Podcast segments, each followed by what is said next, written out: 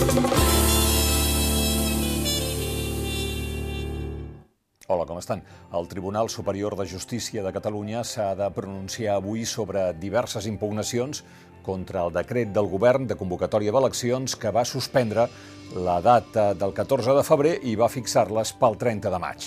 De manera que, una vegada més, a Catalunya la justícia tindrà l'última paraula sobre una decisió política i, concretament, sobre una decisió del govern de la Generalitat. L'ajornament, que està previst a la llei, però l'executiu va acordar, amb l'aval de la gran majoria de les forces parlamentàries, fa que ara el Tribunal Superior de Justícia de Catalunya hagi de decidir almenys sobre cinc impugnacions del decret. Els cinc recursos anunciats contra el decret del govern són els presentats per federalistes d'esquerres, Lliga Democràtica, Izquierda en Positivo, Impulso Ciudadano i el d'una persona a títol individual de la qual no n'ha transcendit ni el contingut ni el nom del presentant. Sobre aquests ajornaments, tres idees. Primera, dir que el 30 de maig estarem millor ja se sabia quan van fixar el 14 de febrer com a data per anar a votar. El que calia era haver treballat per fer possible les eleccions en la data prevista 14 de febrer. Segona, vivim una època en què tot acaba als tribunals, i més a Catalunya. La rebequeria del PSC i del PSOE, que en aquest cas és el mateix, perquè ara se'ls podia esfumar l'efecte Illa no és seriosa. I més tenint en compte que Illa és el ministre de Sanitat i se suposa que ha d'estar més atent als arguments de cautela sanitària que als seus interessos electorals i els del seu partit.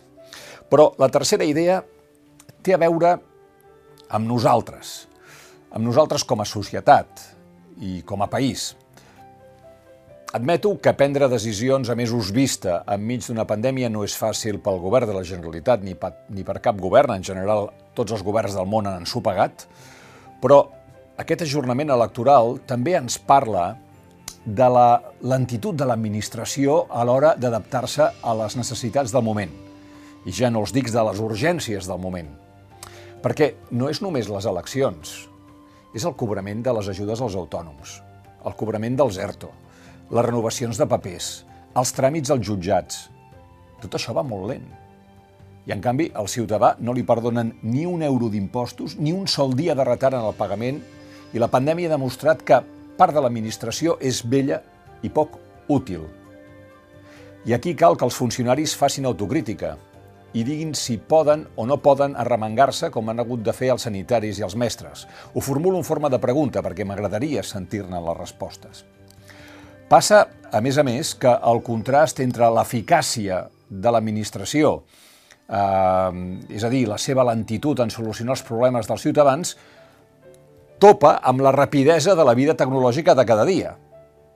Quan a internet tot va ràpid, quan compres i vens i cobres i pagues des del mòbil, l'administració queda molt vella.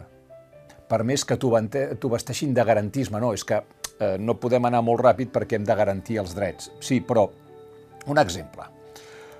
Amb vot electrònic, molts dels problemes de la pandèmia, fins i tot del vot per correu, que també porta una sèrie eh, de tràmits bastant pesats, queden solucionats. El vot electrònic pot emetre's amb les màximes garanties tecnològiques i jurídiques, i el que cal és reunir els experts per arribar a un consens i posar-lo en marxa d'una vegada. El problema és que eh, caldria tocar la llei electoral i els partits van a la seva i no els interessa gaire perquè tenen perfectament calculat què els beneficia i què els perjudica amb l'actual sistema i fan equilibris i d'això fa anys que viuen. Quan diem que calen nous lideratges, no ens referim només a cares noves, no, no es tracta de canviar la persona per canviar-la, sinó de trobar persones disposades a fer el que els d'ara no fan, que és ajudar el país a portar-lo a un més alt nivell d'autoexigència i de modernitat. O almenys això és el que m'agradaria que passés a Catalunya. El nostre reconeixement pels que treballen a primera línia, un record pels que pateixen, pels presos polítics, pels exiliats i que tinguem un bon dia.